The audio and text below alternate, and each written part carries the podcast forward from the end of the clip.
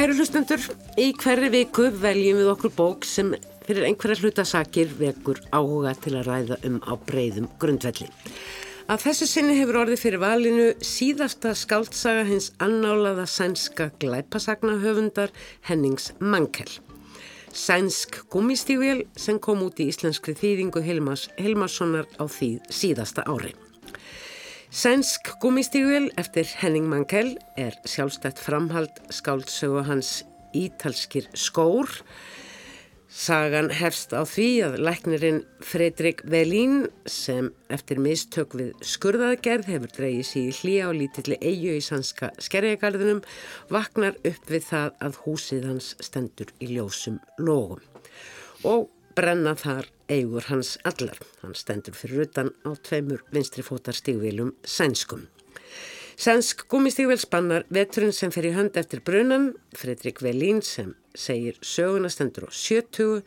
Hann hafði eins og framkemur í fyrirbókinu komist að raunum að stúlkan sem hann ungur sveik hafði alveg honum dóttur og þannig egnast hann um 60-30 dóttur og kynnist líka móður hennar Harriett sem reyndar deyr áður en súsaga þar að segja ítalski skór endar. Dótturinn Louise gegnur hins vegar mikilvægu hlutverki í þessari sögu, sænsk gummistígvél og eh, þótt Fredrik Velín sé svo gott sem einstæðingur þá kemur fjöldi persóna við sögu í þessari bók og ferðalög að auki en uh, bókin fjallar kannski fyrst og fremst um það að eldast, verða gammal og finna dauðan nálgast. Til þess að ræða þessa nokkuð sérkennilegu skáldsögu Hennings Mankels sem sjálfur lést höstið 2015, fjórum mánuðum eftir að bókin kom út í Svíþjóð, eru þau hingað komin Marja Kristjánsdóttir leikstjóri og Þorger Tryggvason, kannski hér best þekktur sem bókmentarínir en líka degur starfsmæður hvítahúsins auðlýsingastofu ekki sett forger komið í sæl og hjertanlega velkomin. Eigum við kannski að byrja á því að heyra þýðandan Hilmar Hilmarsson lesa örlíti brott úr sögunni svona til að heyra tónin Við erum ekki mörg sem höldum til hér út í eigunum á höstin þegar sumargestirnir eru farnir og síðustu seglbátarnir hafa silt framhjá á leiðsynni til óþægtra heimahafna en einhver hafði komið auða á bjarman í nætursortanum. Svo höfðu bóðin verið látin berast í símanum og allir vildu koma á rétta hjálparhönd. Sjó var dælt upp með slökkvidælum strandgæslunar og spröytað á brennandi húsið. En allt var auðvitað um seinan. Það gerðist ekki annað en að lyktin af eldinu versnaði. Sá sem hefur fundið lyktina af logandi eigarbytum og veggklæningu, veggfóðri og línulegum dúk í bland við sjó gleymir henni ekki upp frá því. Í byrtingu var ekkert eftir nema rjúkandi og illaþæfjandi rúst. Það er lengt. Stormurinn hafi fjarlægst í áttað finska flóa. Vindinum hafði á samt eldinum tekist að ljúka þessu ílvirki og lagt sitt af mörgum til þess að nú var hvorki tangun ég tetur eftir af húsi afamins og ömmu. Það var líki byrtingu sem ég fyrst gatt spurt mig hvernig eldurinn hefði kviknað. Ég hafði korki verið með logandi kerti, nýja líst með neinum af gömlu oljulampónum. Ég hafði ekki verið að reykja og ekki kveikt upp í arninum. Fyrir ári var skiptum allar raflagnir. Þetta var óskiljanlegt. Það var eins og húsið hefði kveikt í sér sjálft. Eins og hús gæti fram í sjálfsmorð út úr þreytu og leiðindum. Ég áttaði mig á því að mér hafði skjáttlast varðandi hugmyndir mínar um lífið og tilveruna. Ég flutti fyrir mörgum árum hingað út í skerjagarðin eftir að hafa gert aðgerð á ungri konu sem endaði með því að ég tók af henni heilbriðan handlegg.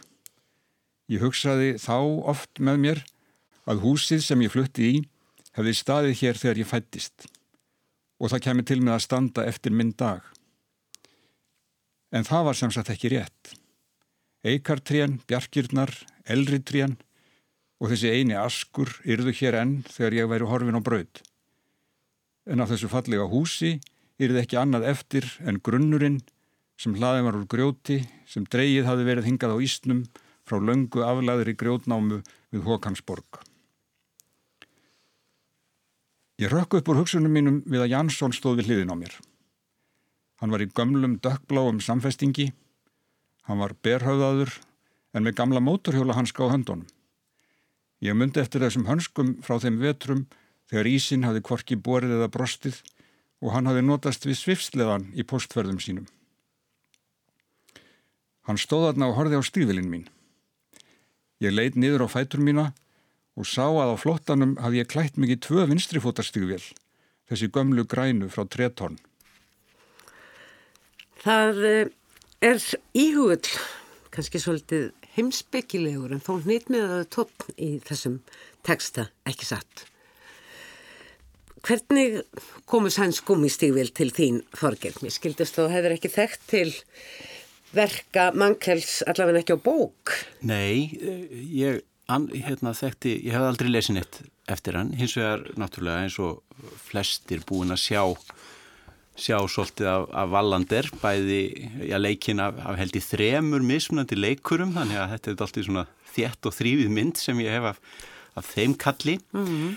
og ég veit ekki alveg hvort það er þess vegna sem að mér fannst þetta svona ekkert vera alveg ósvipaður kall svona svolítið uh, þver og einrætn og svona hortnóttur gagvart -hmm. öllu sínu umhverfi svona svolítið óljós, svona ekki, alveg, hann er ekki alveg búin að gera upp fyrir sig hvort hann nýtur einverunar sem hann er búin að skapa sér eða hvort að hún er honum einhvers konar fjöturum fót. Og þannig að ég svona lasa þetta svolítið svona einhvern veginn í gegnum þá svona mynd af, já, af já. hérna uh, af svona köllum uh, mann kels þó að ég hef ekki, ekki kynst þeim á, á prenti áður. Mm og svo líka einhvern veginn í gegnum aðra linsu, það er tvær linsur viðbútt, það er linsan krimmi eða ekki krimmi sem er kannski um eftir að tala Já, meira um. og svo þriðja linsan sem er algjörlega svona personubundina mjög fljótlega þá fór ég einhvern veginn að hugsa um þessa bók í, í einhvern veginn sem einhverja hliðstæðu eða andstæðu eða eða allavega svona kallast á við þríleik Girðis Eliassonar Sandarbókin eh, Suðurglugin og Sálumessan. Mm. Kallar sem draga sér í hlje Kallar sem draga sér í hlje og svona einhver svona furðulegur hérna svona svolítið komísk absúrt svona smásmikli varðandi svona þeirra svona umgengni við svona smáatrið veruleikans bæði hvað var þar þessi gúmistível, bæði þessi, þessi hérna, vinstrifótastível og svona árangus lilla tilurinnir hans til þess að eignast alminnileg stível sem einmist koma ekki eða koma þá á lítil og þá byrjaði meira að segja hlutir eins og það að maðurinn skildi hafa tekið vittlösan handlega sjúklingi, bara fekk á sig svona einhvern absolutt komiskan blæ í mínum huga eins, eins trist og þannig getur verið fyrir viðkomandi. Hmm. Marja, þú þekkir þennan höfund ágætlega ekki satt? Ég veit ekki hvað ég get sagt ágætlega en ég hef eh, þekkt mannkjál frá því á 8. áratugnum þegar ég bjó, oft, bjó lengi og oft í Svíþjóð en hann skrifaði þá í, hann er einna 68 kynnslóðin eins og ég og hann er, hann skrifaði þá í, um, hann hafi þá þegar gefið út tvær bækur og uh, rak leikús uh, í Léns uh, hérna, sísluleikúsið í um, Dölunum og svo setna fór hann í vextleikursi þar sem hann var leikstjóri og skrifaði fyrir bæði leikursin og hann skrifaði held ég eh, 20 leikrit eða meira mm. og eh, hann hefur stundum líkt því að vera leikstjóri verið veri svipað og vera rítöfundur þá hún finnst meira gaman að vera rítöfundur mm. en hérna ég kynst honum þar fyrst og þá var, voru það greinar og sögur sem hann skrifaði í tímaritt sem hann gefið út af eh, vinstra uh, uh, vinstri sinnum uh, og er gefið enn út, er, það lifir enn því að fólk í bild kultúrfront og þar skrifa hann og þannig kynntist Jónum fyrst og síðan lasi náttúrulega allar valanderbækurnar og ég hef lesið þær allar og og svona ímislegt eftir hann en ég hef, en ég hef ekki lesið hann svona alveg gert eins og mér finnst ég þurfa að gera mm. og hérna sérstaklega eftir að ég hef lesið þessa bók þá finnst mér að ég þurfa að gera það. Og uh, ég fyrst með honum í gegnum tíðina því hann hefur einn af þessum fáu 68 liði sem að hefur staðið fast á sínu, haldið fast við sínas auksjónir og jável þegar maður orðin að svona stórveldi með, eh, eftir hann hafi efnast mjög af valandibókunum þá held hann áfram að vera að, að, aðgerða sinni, hann tók meðal þátt í Gaza, hann tók hérna Gaza, þátt í skipalestinni. skipalestinni í Gaza þegar Já. Ísraelsmenn reyðist á þá lest og, og hann hefur beist sér mjög í málum eins og eins og gegn frælsinseyfingu Suður, Suður Afríku og svo bara náttúrulega Vítnamseyfingunni og, og bara nefndu það. Hann, er- hann er bara ba- hann hefur bara bæði sem manneskja og í bókum sínum verið svona uh, já, bara talsmaður sósialisma og betra heims, bara yfirleitt og uh, þannig að maður hefur einhvern veginn starfa mikið sem leikhúsmaður í Mósambík Jú, jú, svo reist hann leikús þar og bygg leikús þar og starfaði þar og hann bjó stóran hluta, hefur búið stóran hluta af uh, æfisinni í Mósambík. Og til skiptist við og Mósambík.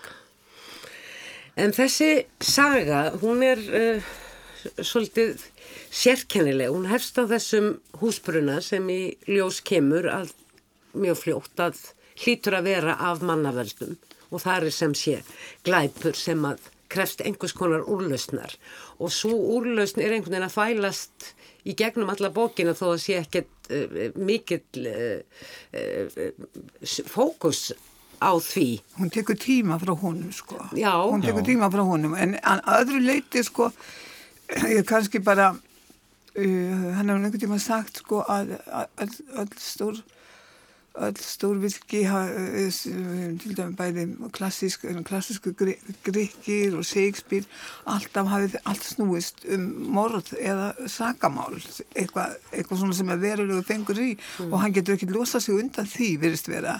En í sjálfu sér sko þegar uh, er glæpurinn ekki aðalatriði þarna og, og, og, og það kemur í ljósa á síðustu blaðsjónum sko.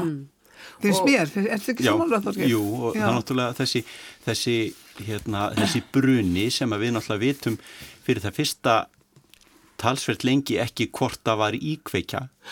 Síðan kemur í ljós að, að hérna, lögreglan telur svo vera og þá liggur okkar maður undir grunn bara lengi vel. Já. Og, það, og sá grunur hverfur í rauninni bara á, á, á, á svona ákallega klassískan hátt sem að sko, Agatha Christie hefði geta látið sér þetta í huga Það það er framir svona- annar glæpur og hann er með fjárvistarsönn Já. þannig að þarna eru svona öðrum þræði alveg svona hreinræktuð krimma trikk. En þetta er klárlega samt fyrst og fremst eh, mannlýsing og, og, og svona þroska lýsing á þessum, þessum gamla manni. Og svo er þetta líka svo, þetta er svo sterk mynd að byrja á. Mjög margir lesendur þekkja væntalega Fredrik Velín, aðal personuna sem að segja Já. söguna úr fyrir bókina, en margir þekkja hann ekki og, og Mankel er eins og, eins og feimur glæpasagna höfundur í, sem að skrifa serjur, að hann, honum tekst að flétta inn í svona mikilvægum upplýsingum úr fyrir bókunum á þess að tröfli framvinduna í þessari. Já, má, ég- má ég segja eitt? Já. Já, ég vil segja að þegar ég las ítalska skó, þá bara, ég var fyrir svílikum hugsvífum, mér finnst þetta bara einn fall, ein fallegasta og einhvern veginn, eh, hún skilur mann eftir með einhvern svona ljúfsáran streng í, í brjóstinu eftir að hafa lesið þessa bók, mér finnst hún alveg ótrúlega bók og þess vegna var ég aldrei svona kvumpin þegar ég byrjaði að lesa þessa sko að væri verið að eiðilegja fyrir mér þetta fallega sem að hún hún er alveg sérstök sko er þessi mag, magnaða fyrsta setning sem er svona nótt eina í fyrra haust brann húsi mitt til kaldra kóla Já. það er bara ekkert öðruvísi sko. nei, nei. En mér finnst þetta að vera svo tákgrænt fyrir sko upphaf þessarar sögu að þannig bara, það er allt horfið sem hann á. Manneskjan á sínum tveimur vinsturfótar stígvilum er stendur ein eftir og þarf í rauninni þarna maður um sjötugt að finna út úr hvernig hann hérna fæðir sig og klæðir án þess að eiga pott eða pönnu uh, skirtu eða skó Já, og hann á og það er líka sko einhvern veginn lífið er svo mikið horfið. Og hann svona smá uppgötvar það eins og ég get ímynda mér að gerist þegar svona, svona kemur fyrir fólk. Þannig að það eina sem hann hefur eru, eru minningar. Mm. Í höfðinu? Já, í höfðinu, hann hefur ekki lengur ljósmyndir, hann hefur ekki, ekki hlutina sem að kveikja minningarnar, hann er bara það sem er í höfðinu ánum og svo svona tilvíðan kentir smá hlutir sem hann svona rekst á e, í bátaskílinu og það, og það er svona e, myndi verður svo þykk hmm.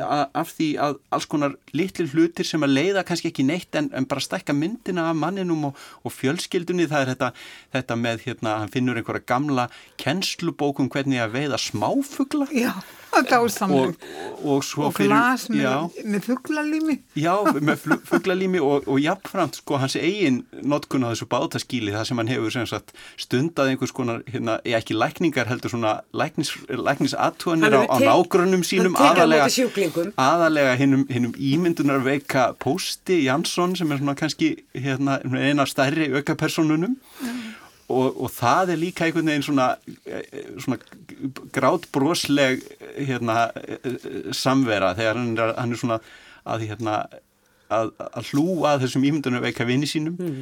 og hann, hann leigir bílastæði upp á landi fyrir, fyrir bílinn sinn hjá konu sem að hann sem sagt tekur á henni, mælir inn í blóðþrýstingin gegn því að fá að geima bílinn í bílastæðin hennar. Þetta er einhvern veginn allt mjög skemmtilega. Já, en það, en það er líka náttúrulega, hann er læknir, er, hann gefur hún, gefur sér hann er læknir, það gerur hún kleift að lifa svona á, á, á, hérna, á þessum einangraða holma og hérna, en það sem ég fannst sko hann byggir upp að þetta líf sko, sjórin, sjórin er þarna eins og í Vallander, sjórin er svo nálagur og hvernig hann hérna, leiðir okkur inn í mm, menninguna þarna hvernig fólki ræra á milli staða, hvernig það hjálpast að á þessu sem að vera beint vinir og, en, en Þetta svona, þarf á hvort aðra að halda Já, og, og, og hjálpast að en mér finnst þetta sko, ég þegar ég búið að hugsa um þetta þá fannst mér þetta það er svo margt sem maður getur spekulera svo mikið eða fantasera svo mikið með þetta. Mér finnst kannski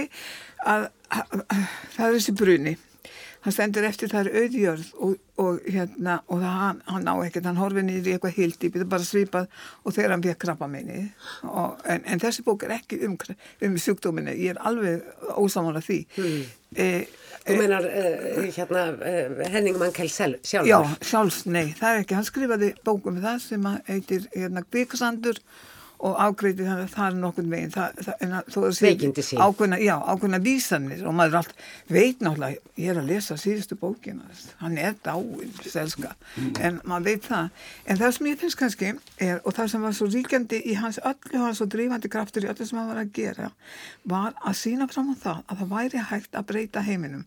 Og til þess að við lítum á Vallandir þá í gegnum alla sögurnans hans Vallandis þá breytist hann stöðugt frá því hann er færtugur og þannig að það verður 65 ára þá er hann alltaf að breytast. Og það eru alltaf að koma ný, ný þemu inn í bækunar sem eru í takt við, e, í takt við okkar samfélagslega líf.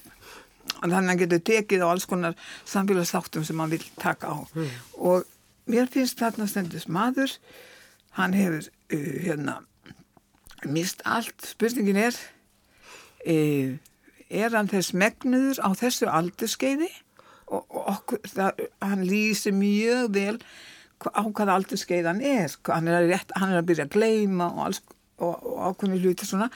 Og sasar og getur og dettur og hérna og getur ekki hoppa lengur jafnvættisnir í bát og svo framvis en hann hérna e, hann, það sem er meginadrið að mangkel lætur hann breytast. Hann, hann, hann, hún, hún er hann fyrir að sína öðru fólki samkend hann lærir að elska annað fólk og hann lærir að byggja upp á nýtt. Mm. hann er hann, í lókinn tekstunum að byggja allt upp á nýtt ja. eftir eða ætla sér það.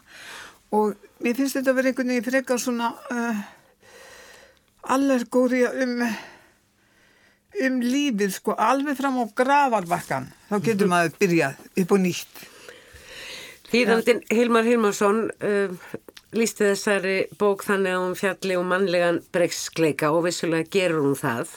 Og það talsvört um legar og, og, eða óvilja svona til þess að segja uh, rétt frá í samskiptum við fólk og, og frá forsendum eða ástæðum fyrir því að maður gerir þetta eða hitt. Og Fredrik uh, Velín er já er hann kannski sympatísku náingi þegar allt kemur til alls því hann er, hann er einhvern veginn svo heiðarlegur eða er hann hefur gagstæða hann er fláráður Já, en, hann, já hei, heiðarlegur eða, eða sko honum er líst á heiðarlegan hátt sem, sem manni með alls konar breyskleika og, og, hérna, og ekki, ekki, al, ekki, ekki einhvern veginn algjörlega geðslegur. Hann, hann, er, hann er snuðrari, já, það er nú eitt. En það er hans sjálfur sem afhjúpa sig. Já, það er hann sem afhjúpar sig, hann segir söguna, hann segir hann lýsir, söguna. lýsir þessu, hann, hann afhjúpar sig og hann segir okkur líka það sem er kannski það sem stendur eftir sem svona, svona svartasti bletturinn á honum. Hann, hann snöðrar þarna í fataskápnum hjá, hjá konunni sem hann er að reyna við alla bókina og, og hérna, finnur þar hérna, hluti sem að hún vill ekki að komist í hámæli en, en hérna, hann hún kemst að því og hann stendur fast á því að hann hafi ekki gert það. Hann, hann bara segir, nei, ég gerði þetta ekki. En við vitum að hann gerði það, hann er búin að segja okkur það. Já. Og hann, hann, er, hann, er, hann, er, hann er heiðarlegur að þessu leiti hann, hann, hann hérna afhjúpar óheiðarleika sinn gagvart lesendanum En hann erum við ekki öll svona sko. Er erum við ekki, ég minna, svo mynd sem við gefum af okkur eða svo mynd sem við viljum hafa fólki, hún stendst yfirleitt aldrei. Það er, man, manneskjan er miklu flóknari heldur en sko, mér finnst það sem er svo spennandi, þessar persónlegas. það er nákvæmlega það Já, þessi kona, Lísa Modín sem er jú, hún er bladamaður og kemur og heimsækir hann þarna strax eftir brunan til þess að skrifa grein í héraðsbladið og uh, hann fær slags mikinn áhuga á henni og langar mikið til þess að komast nær henni og langar mikið til þess að er í rauninni ástfangin en, en á einhvern mjög undarlegan máta og fer í tengslum við það og í rauninni er hann alltaf að rifja upp gamla daga og allskynns ástaræfintýri sem að öll virðast svona eiginlega mislökuð. já, pínu, pínu vonlaus pínu vonlega. Hann svíkur alltaf, hann er svíkari. Já, hann tekur Já. aldrei ábyrð, hann stígur aldrei skrefið til fulls. Já. Ég finnst það eiginlega svolítið til marksum það hvað þetta er einhvern veginn svona þétt og heldstæð og, svona sannfærandi raunsæ bók að þó hann sé svona og þó að, við, að, að, að hann sem sögumadur og, og, og mann kell sem höfundur gefi engan afslátt af því þá er aldrei einhvern veginn ótrúverðugt að hérna, fröken Módín haldi áfram að vera til í að vera í þessu sambandi við hann Það er gaman að spjalla við hann. Já, hann er það er- ólíkinda hann- tól hann- í samræðu. Já, já, Hann lítur að vera svolítið spennandi. það, það virðist vera Já, hann verðist vera en, en, en, en sko þessu, já ég bara, hann hann hæ- hætti sér aldrei úti að reyna við hana eða, eða en hérna og hún heldur þessum, þessari fjallæð og það gerir líka ákveðna spenn í bókina. Já, já. Það er aldrei viss ætlunum takist það yfir, yfir Já, já. stíga þessa hömlur. Já, já, en hann gerir tekst það ekki Nei, mjög frá því. maður má ekki ljóstra á miklu upp, það er alveg, alveg á hreinu. En það eru fleiri konur í lífa hans, það er dóttirinn Louise sem er mjög sérstök persónu og þeirra samband. Eiginlega, já hvers konar skáldsagnar samband er þarna? Það var rosalega skemmtileg samband. Já, já. Hún er náttúrulega líka svolítið eins og hann. Hún, hún lætur sig hverfa skýringarlaust. Hún er ekkit alveg öll það sem hún er séð og, og hérna hún svo sannarlega líka og ekki. Já, já, og, og hérna, og er einhvern veginn á sama tíma honum mjög nákomin og, og heldur honum í mjög afgerandi fjarlæg. En stendur með honum, sko, þegar á reynir. Já, já, og, hann- og hann með henni. Og hann með henni. Já, sannarlega Já. og, uh, og hann uh, það- hún eða eins og það segir, hún hverfur og uh, ringir svo í hann af ólíklegustu stöðum í, í heiminum og það hefur nú komið fram að hún er einhvers konar aktivisti og, og, og meiri segja kemur beinleinis fram þarna að hún ástundar það að sína gömlu og döðvona fólki Rembrandt í safni í, í Amsterdam uh, til þess að þau geti séð og upplifa Rembrandt í síðasta sinn. Það er eitthvað mjög svona fallegt við þetta dauðin en náttúrulega aldrei mikið svona Já, í öllum mögulegum myndum eh, byrtist hann í þessari bók. En svo er hún, en hún á samt heima að þeir verðist í París og Má lendir ég skjóta þess að við myndina? Hann hérna e, í kviksindi þá e, segir frá því að hann, hann eða, eða kannski var einhverja viðtali sem ég heisti hérna, ég veit ekki, hann, hann fyrir búrreglulega til Hollands til að horfa á uh, á hollensku málarana og sagt, svo, þótti það sem tvisra ári, tvisra ári.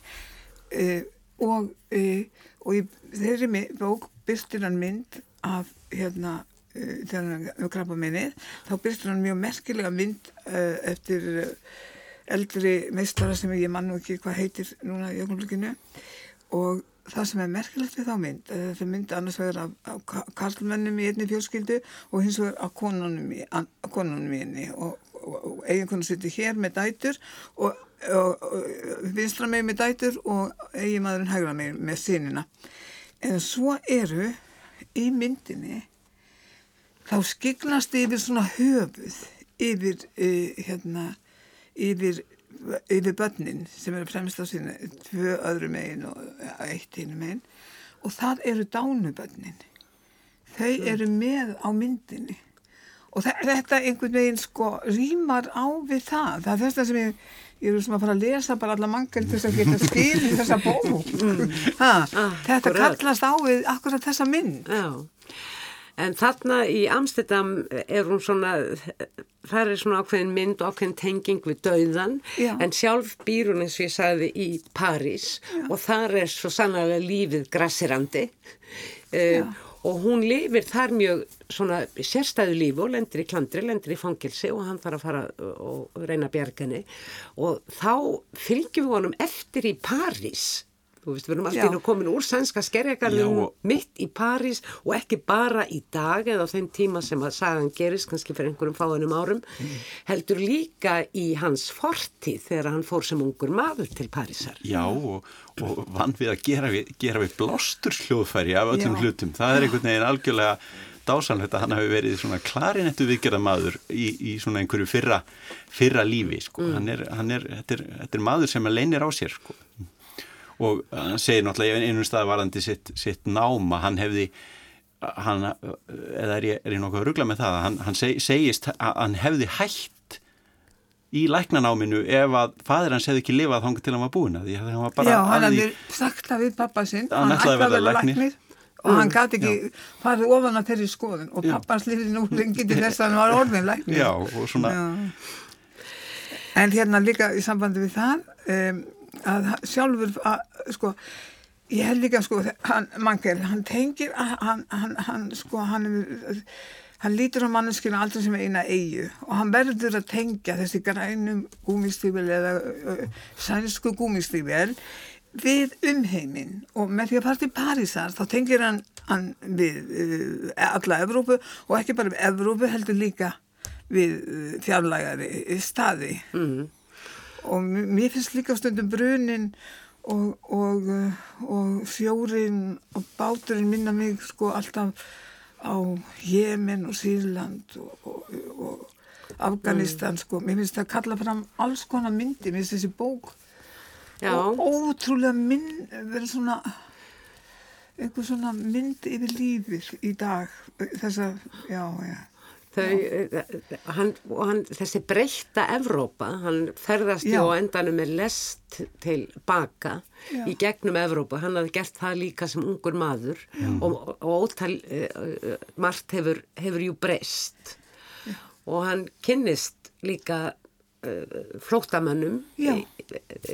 og síðan eru, eru samræður og fundir heima í skerjagarðinu þegar hann kemur tilbaka þar sem að er nú farið að fækka mjög í skerjagarðunum fáir sem hafa þar vetursetu og, og fiskigengd er eh, farin að uh, minka og, og hvaðina og, og þar koma líka upp umræður einmitt um flottamannavandan og, uh, og að þurfa að loka landamærunum og allt þetta. já, já, á sama tíma og hann sér fram á það að, að dóttir sín flytji aftur í húsið sem verður byggt á rústunum og þa þar setjist hún að með sínum, sínum afríska manni og, og bróður hans, hérna fjölfölluðum bróður hans. Mm, einmitt, þetta er ótrúlegt hvernig hann fléttar uh, svo mörgu saman.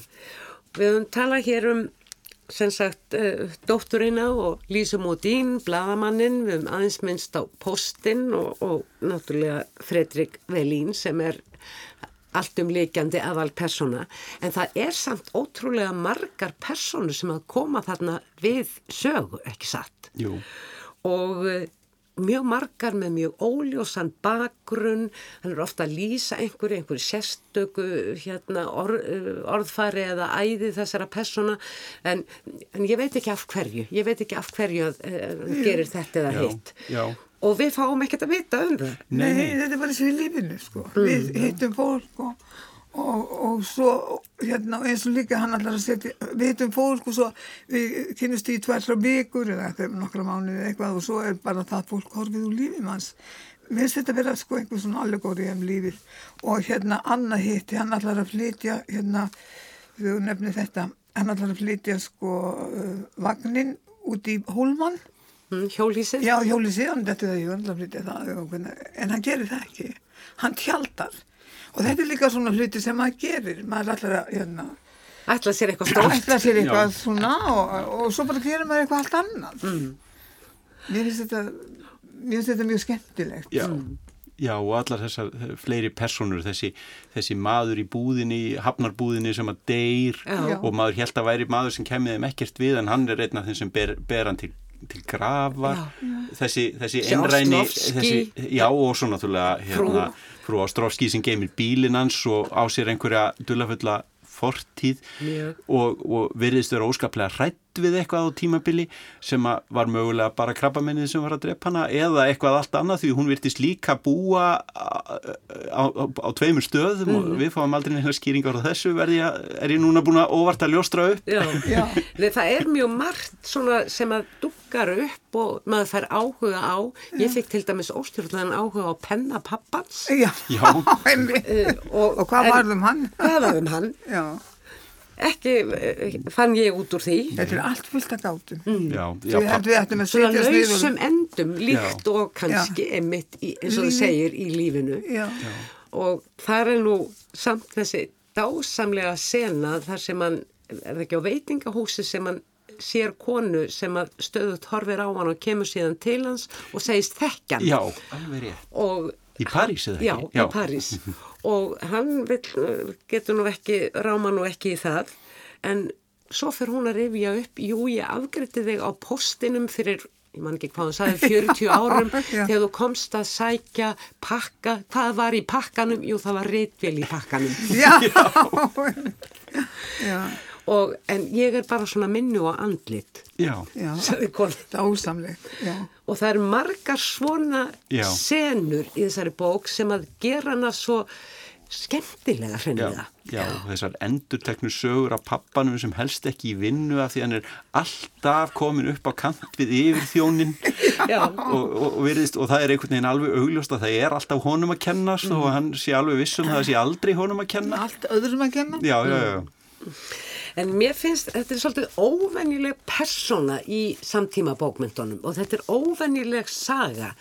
Uh, að því leiti sko að uh, mér finnst hann draga inn allar þessar litlu sögur sem við erum búin að vera minnast á og svona þræðir og personur sem að síðan standa bara einhver staðar og við vitum ekkert hvernig, eh, endilega hvernig heldur áfram að það er ekkert eins og sett í einhverja skáldsagnilega byggingu til þess að búa til ákveðna sögu sem að boga. eða, eða, eða, eða eh, á að segja eitthvað ákveðið. og mögulega tekum aður sérstaklega eftir þessu af því að þetta er Henning Mankell höfundur glæpasagna sem maður sem hefur mikilvæg. unnið í formi sem er algjörlega hérna, stíft og gerir mjög skýrar kröfur sko maður, ég hugsaði svolítið um það að sko hvað hefði mér fundist ef við hefðum aldrei fengið að vita hver kveikt í kofanum, kveikt í húsinu? Og það hefði í raunin ekki gert neitt til.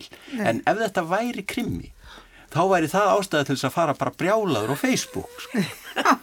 bara, þetta er ómöguleg bók. En þetta er ekki ómöguleg bók því þetta er ekki krimmi í þeim skilningi þó að þetta séu þetta skáldsaga um glæp Þetta er, já, en, og, og við vitum alveg hver glæpurinn er, það er ekkert verið að gera, þú veist, einhverja yfirfærða merkingu. Hann er mjög handfastur, þessi Já. glæpur. Já, já, já. En við vitum samt ekki, en við eitt sem er, við, sem við venlega vitum í Vallandersmyndunum er af hverju glæpurinn er framinn, af því hann er svo félagslega sinnaður og, og, og, Já, og við vitum yfir því af hverju glæpurinn er framinn, en Hann, hérna, halló, halló, við, fáum ekki að vita það. maður fletti tilbaka, ég Já. gerði það allavega. Þeir byggdu nú við, Já. en af hverju óskupunum? já, en það er, það er dolti magnað hvernig, hvernig er svona leist úr því máli og hvernig, hvernig, hvernig lyktir þess málsverða sem eru Dásamlegar. bæði mjög óvæntar og, og, og frumlegar og, og, og, og bæði einhvern veginn fullnægandi og algjörlega óþólandi Og er- mannlegar. og mannlegar, já, fyrst og fremst kannski Fyrst og fremst það. En hugsaðu ekki mikið um hverju heiti bókin sæns gúmistíður.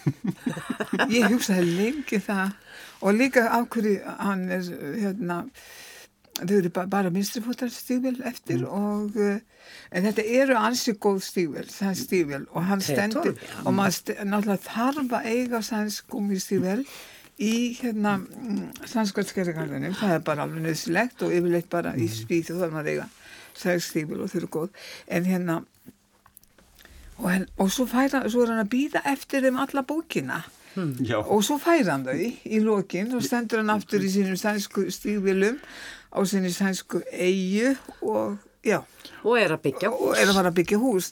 Þetta er aldrei eigum við hérna tala saman eftir bygg og vita hva, hvaða hugmyndir við byggja út úr þessu. Ég, mér fannst þetta mjög spennandi hugmynd. Já. alveg hverju það væri líka gaman að vita hvort hann hafi sko, hvort þessi bók hafi verið einhvern veginn komin í kollin á honum þegar hann skrifaði hina sko, það líða alveg, það er nokkur ára á millið þeirra og marga, nokkra bækur á millið þeirra. Einu, ein bók held ég bara. Já, já. eru fleiri? Ég held að það séu nokkrar, sko. Nú, ok, en hans, já, Og hann, sko, fyrirbókin náttúrulega, það verist, ég meina, þar kemur skósmiður við sögu, ég hef ekki lesið hana, sko. já, ítalsku skósmiður, já, það og er það má- indisleg sinna. Og það má alveg, hérna, hrósa líka, já, honum og þeim sem kynna þessa bóka. Ég læt það stundum færi töðunar á mér þegar að bækur eru kallaðar sjálfstætt framhald sem eru ekki sjálfstætt framhald, en þessi er það. Já. Ég, það, það, pyrraði mig ekkert að hafa ekki lesið fyrir Nei, bókina þó að það væri stundum talað um, um þennan merka ítalska skósmið. Já, Já. hún er, það er annað andrumsloft í Já, fyrirbókinu já. og það finnst mér eiginlega svona þegar upp er staðið það merkilega því, því þó að þetta sé annar maður og allt það og hún fjallar að sínuleitum margt áþekkt það er aðeins uh, svona stiksmunur Já. döðin er kannski ekki alveg eins mikið í forgrunn einmannleikin Já. þeimur meira og svo framvegis En ég held en að, það er andrumsloftið er annað já, en ég held, eins og ég sagði á það, ég held að hann hafi, að því hann er þessi maður þess að allt breytist og allt á að breytast, að hann hafi ekki geta skilið við, uh, hann, hérna, uh, Fredrik Velín, uh, öðru vísi en að láta hann breytast í grundvallaratriðum. Það er bara einhvern veginn svona síðustu skilabóðin. það er hægt fram á síðustu, Síðustu mínútu. mínútu að breyta hann og líka breyta öllu saman, gerfinu öllu. Er þetta ekki ágætt loka orð? Mér finnst það. Það finnst mér líka. Marja Kristjánsdóttir og Þorger Tryggvason, takk kærlega fyrir gott samtal um sænsk gúmistímil eftir Henning Mankell. Og ykkur, kæri hlustendur, þakka ég áhernina. Frekari upplýsingar má finna á heimasíðu þáttarins bók vikunar rúf.is skástrygg bók vikunar. Takk fyrir að hlusta. Verðið sæl.